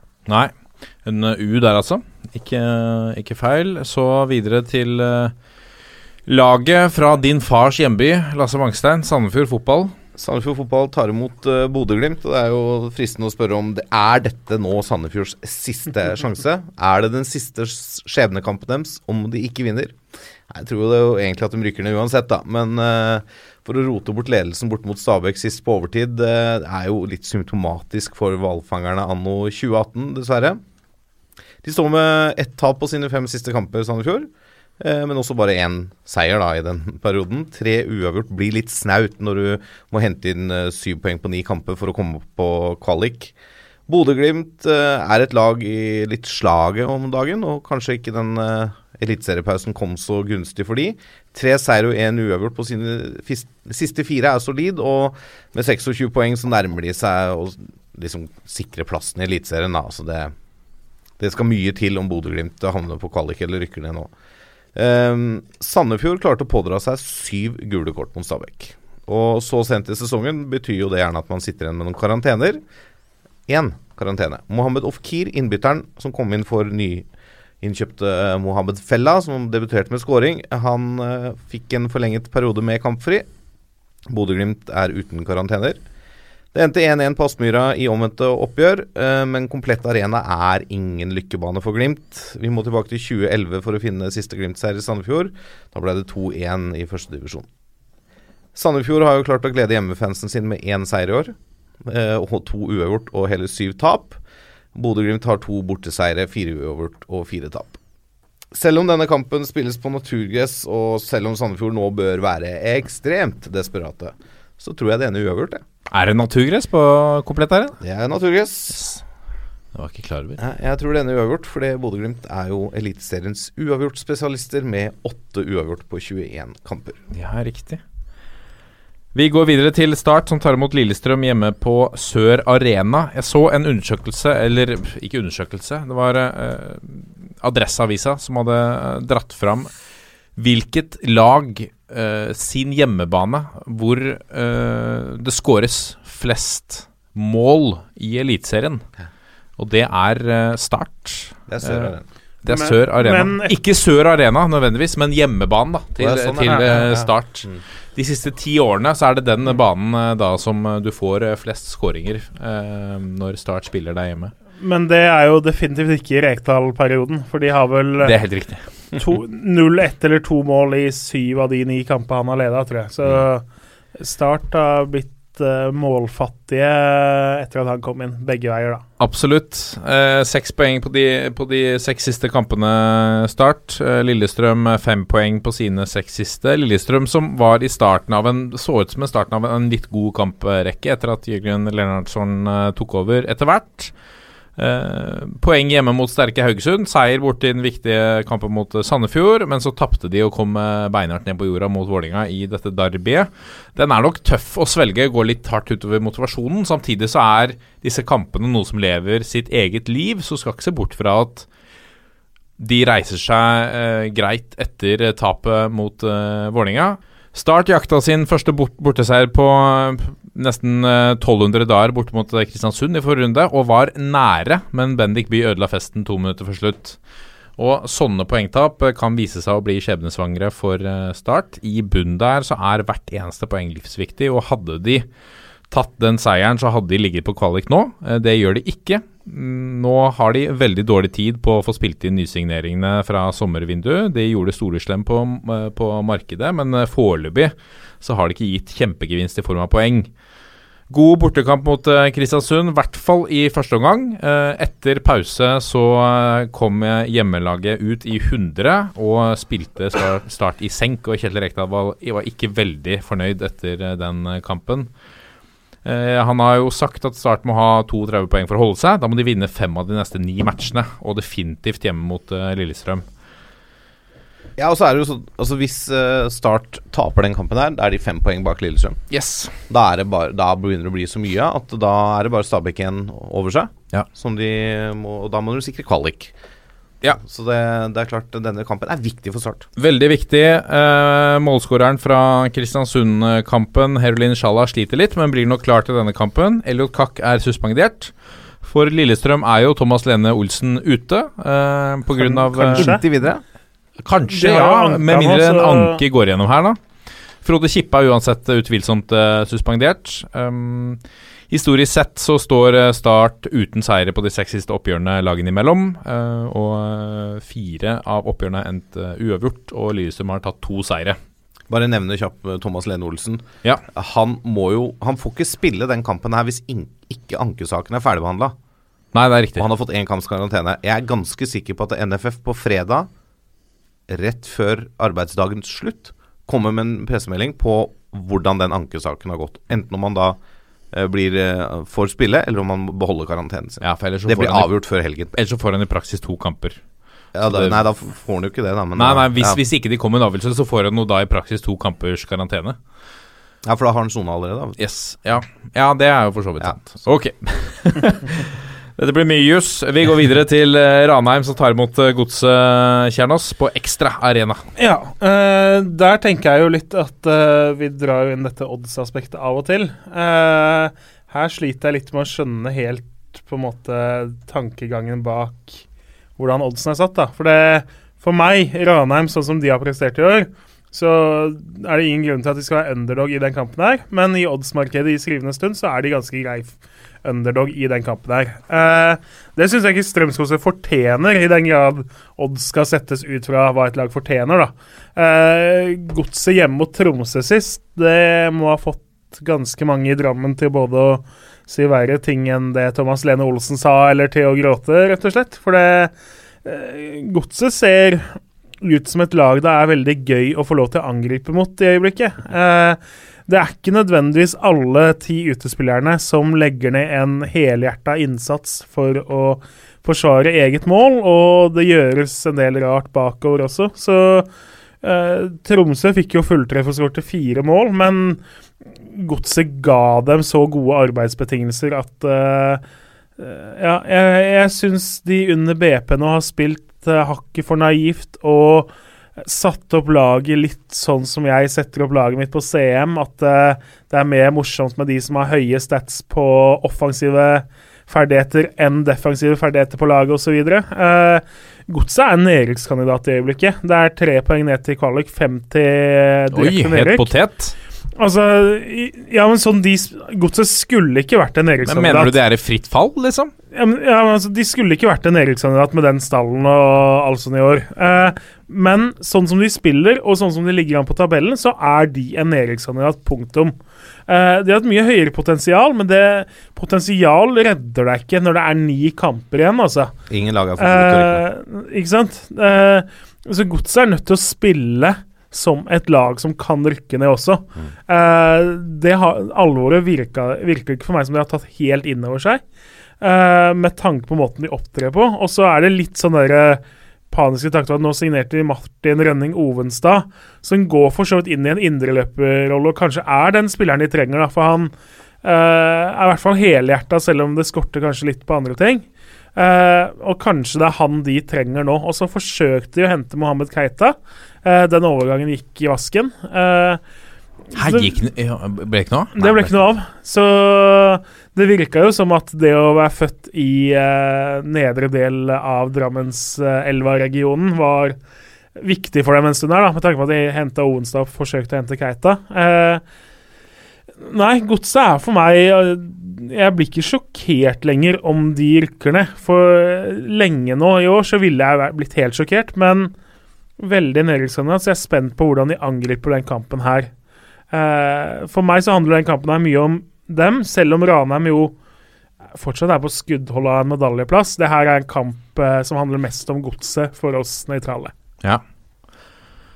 Sarpsborg tar imot eh, Odd på Sarpsborg eh, stadion, eh, Ja, eh, og hjemmelaget kommer jo fra tre serietap på rad. Og dette er jo en periode hvor de har vært tydelige på at de har prioritert europaspill. Og kan jo kanskje ikke ta de helt på det heller, da, for de har jo kommet seg til et historisk gruppespill i Europa. Eh, og det er ikke mange norske klubber forunt å få til. Det er meget imponerende. Og fire dager etter kampen mot Odd så venter heksegryta i Istanbul når de skal møte Besjiktas i første gruppespillskamp. Eh, Nå har det vært en liten pause her, men jeg er spent på om Geir Bakke og kompani sparer spillere til Tyrkia-turen, sånn som de har hatt en en tendens til å gjøre i andre kamper nå. Eh, Men uansett hvordan du snur og vender på dette, Odd er ingen enkel eh, oppgave. Eh, De har ikke tapt på sine seks siste kamper, men det er hele fire uavgjort og da to seire. Men Sarpsborg er jo ikke et drømmested da for Odd å besøke. På de foregående ni møtene i Sarpsborg har Odd vunnet én hel kamp i Tippeligaen 2013. Sarpsborg står med seks seire, og da har naturlig nok to av kampene lagene mellom endt uavgjort i Sarpsborg. Omvendte oppgjøret i Skien i april endte med 3-1-seier til Odd, da mm, Elbasan Rashani skåra to av målene. Da var Odd uh, solide, det er helt klart. Dette er en sånn vanskelig kamp å spå, tenker jeg. Uh, isolert sett. Hvis du ser litt sånn historisk på det de siste årene, uh, så bør jo Sarpsborg være favoritter på hjemmebane. Men det at Odd har vært så vanskelig å slå i det siste, gjør at kanskje mange Og, og det at kanskje det er den største kampen for mange av disse 08-spillerne som venter på torsdag, eh, gjør at jeg tror det blir ganske tett og jevnt. Og er, da er det lett å tenke at det blir en U, altså siden Odd er sånn ja, fire uavgjort på de siste seks. Mm. Det, jeg tenker det at det, det er et naturlig utfall av den kampen her. En eh, litt sånn trå U. Forrige gang de sparte mye spillere, så røk det vel på et hjemmetap eh, mot eh, Kristiansund. Så det er vel ikke utenkelig at uh, dette Ja, Men nå har de hatt en pause, så det er, det, det, du må kanskje ikke spare 11 spillere, 10 spillere, da. Eh, så det kan hende de starter starte litt mer slagkraftig, men jeg tror ikke det blir noe sånn kjempestor seier til noen av lagene. Nei, vi går videre til Alfheim og Tromsø, som tar imot eh, Stabæk. Eh, Etter fem eh, strake tap og en formkurve med pil rett nedover, så tok Tromsø en, det vi må uansett kunne si en sterk borteseier over Godset. Ja, ja. Eh, Godset hjemme på Marienlyst er fortsatt et oppgjør som, som det krever litt ekstra å, å stikke av gårde med tre poeng fra. Det skal nevnes også for Tromsøs del. Nå har de som sagt fem eh, strake tap før denne seieren. At, at eh, de har spilt fire bortekamper på de seks siste. eh, og de to hjemmetapene de har fått på ellers trygge Alfheim, har kommet mot sterke FK Haugesund og Bodø-Glimt. I en sånn type kamp som lever sitt eget liv, à la Lillestrøm, Vålinga osv. Så, så helt svart har det ikke vært for, for laget fra nord. Eh, For Stabæks del så har Moussa Njay vært forrykende for, for Stabæk etter han kom tilbake fra skadde. Det så ut som at eh, han har, dratt fordel av å hvile litt, omtrent. Han har også satt fyr på Frank Boli, som, eh, som står nå med fem mål på de siste fire matchene. Eh, det er spennende å se hva de kan få til på Alfheim. Tromsø har eh, Runar Esperjord ute med en lyskeskade. Lasse Nilsen og Simen Wangberg er usikre. Og så er det også denne diskusjonen da om, om Simen Wangberg. Hvor lenge får han spille om han ikke signerer noen ny kontrakt snart? Det er jo uvisst for kapteinen. Kanskje de uansett lar han eh, belønner han for tro tjeneste og, og, og spiller man hele, eh, hele sesongen ut. Eh, For Stabæk er Vadim Demidov noe usikker. Eh, Statistikken her er eh, jevn. To seire til begge lag og to uavgjorte. Jeg tror at eh, Tromsø tar denne, tross eh, et, eh, en sterk angrepsrekke hos, eh, hos eh, Stabæk. eh, med bakgrunn i, som jeg nevnte, de har hatt noen tøffe kamper som har resultert i null eh, poeng. Mens eh, en seier mot Godset nå, eh, så, så tror jeg at Fort Alfheim er litt på vei tilbake. Og de ligger tross alt bare på en åttendeplass. Altså fire-fem strake tap på rad, og så har de ikke falt lenger enn dit. Jeg har litt troa på Tromsø i denne matchen. Vi går videre til Intility Arena Lasse Wangstein og Vålinga, som tar imot Rosenborg. Ja, det er serielederne som kommer til Oslo, og her snakker vi jo Vi snakka om manndomsprøve før for Vålerenga, men det her er jo virkelig en manndomsprøve. Selv om Vålerenga kommer fra tre seire på rad, som også Rosenborg har, så det er jo formlagene i Eliteserien som møtes. Men skal legges til at eh, Rosenborgs formtopp er litt lenger enn Vålerenga sin. Åtte kamper uten tap, hvor syv av de har endt med seier. Det er formidabelt, og har da satt Rosenborg i førersetet i gullkampen. Og så må vi faktisk helt tilbake til 2011 for å finne sist Vålerenga slo Rosenborg på hjemmebane. Da ble det 1-0-seier på Ullevål etter André Murers scoring i første omgang. Etter den kampen har lagene møttes 15 ganger totalt. Ti Rosenborg-seiere, fire uavgjort og én Vålerenga-seier. Det var kvartfinalen i cupen på Lerkendal i fjor, som vi får en reprise av litt senere i september. Vålerenga mangler som kjent både kaptein Daniel Fredram Holm og visekaptein Jonathan Tolles Nation med karantene i denne kampen. Det blir spennende å se hvordan Ronny Deila komponerer laget med de to sentrale spillerne ute. For de siste tre kampene har det ikke vært mye skifte på Vålerenga-laget. Rosenborg er uten karantener. I og for seg ikke unaturlig at du spiller kamper uten karantene, men de har altså i løpet av 21 seriekamper ennå ikke opplevd at en spiller har sonet karantene for gule kort. På 21 kamper, det er ganske imponerende, syns jeg. Niklas Bentner rekker nok ikke kampen. Og det er ikke pga. at han har knekt kjeven på en drosjesjåfør, det er fordi han har en lyskeskade. I beste fall kan han kanskje være i en kamptropp, men jeg tipper Rosenborg sparer han og prøver å få han klar til bortekamp mot Celtic fire dager etter Oslo-turen. Eh, og så er det jo sånn, skal du sette penger på en målskårer i den kampen her, og jeg snakker om odds, Jørgen, så hadde jeg nok vurdert en krone eller to på Alexander Sødlund. Etter forrige kamp, hjemme mot Haugesund, som han alltid scorer mot, kom artiklene om, om måltørken til Rosenborg-spissen. Det er snakk om 607 eliteserieminutter uten scoring. Og da vet jo vi med hjertet i Vålerenga, eh, og som har fulgt Vålerenga noen år, hva som skjer på søndag. Det tipset er levert av toppfotball. Nok en gang. Eh, Rosenborg med historie, statistikk, eh, hvor de ligger på tabellen, eh, størrelse på klubb alt skal å være favoritter uansett hvem de møter i Eliteserien, egentlig. Eh, nye spillere har kommet inn og vist seg fram, og det har gjort skadene på Helland og Adegbenro og de andre ikke like utslagsgivende. Jeg tror på en morsom fotballkamp mellom to lag som vil vise seg fram. Og det er alltid mye Rosenborg-supportere på kamper i Oslo. Det meldes om fantastisk billettsalg eh, på Valle. Eh, og det er lov å håpe på en fullsatt arena, og da får vi kanskje fullt eh, både i Haugesund og i Kristiansand med Start Lillestrøm, som var én krone billetten der, og på Intility, og så kampen vi skal snakke om etterpå. Eh, Molde-Kristiansund kan jo fort bli ganske full, den òg. Eh, Rosenborg kjemper jo febrilsk for å holde Brann bak seg på tabellen. Jeg tror de blir seriemester til slutt, og jeg tror også dessverre de trekker det lengste strået på Intility. Oi. Seier, altså, til Rosenborg. Seier til Rosenborg.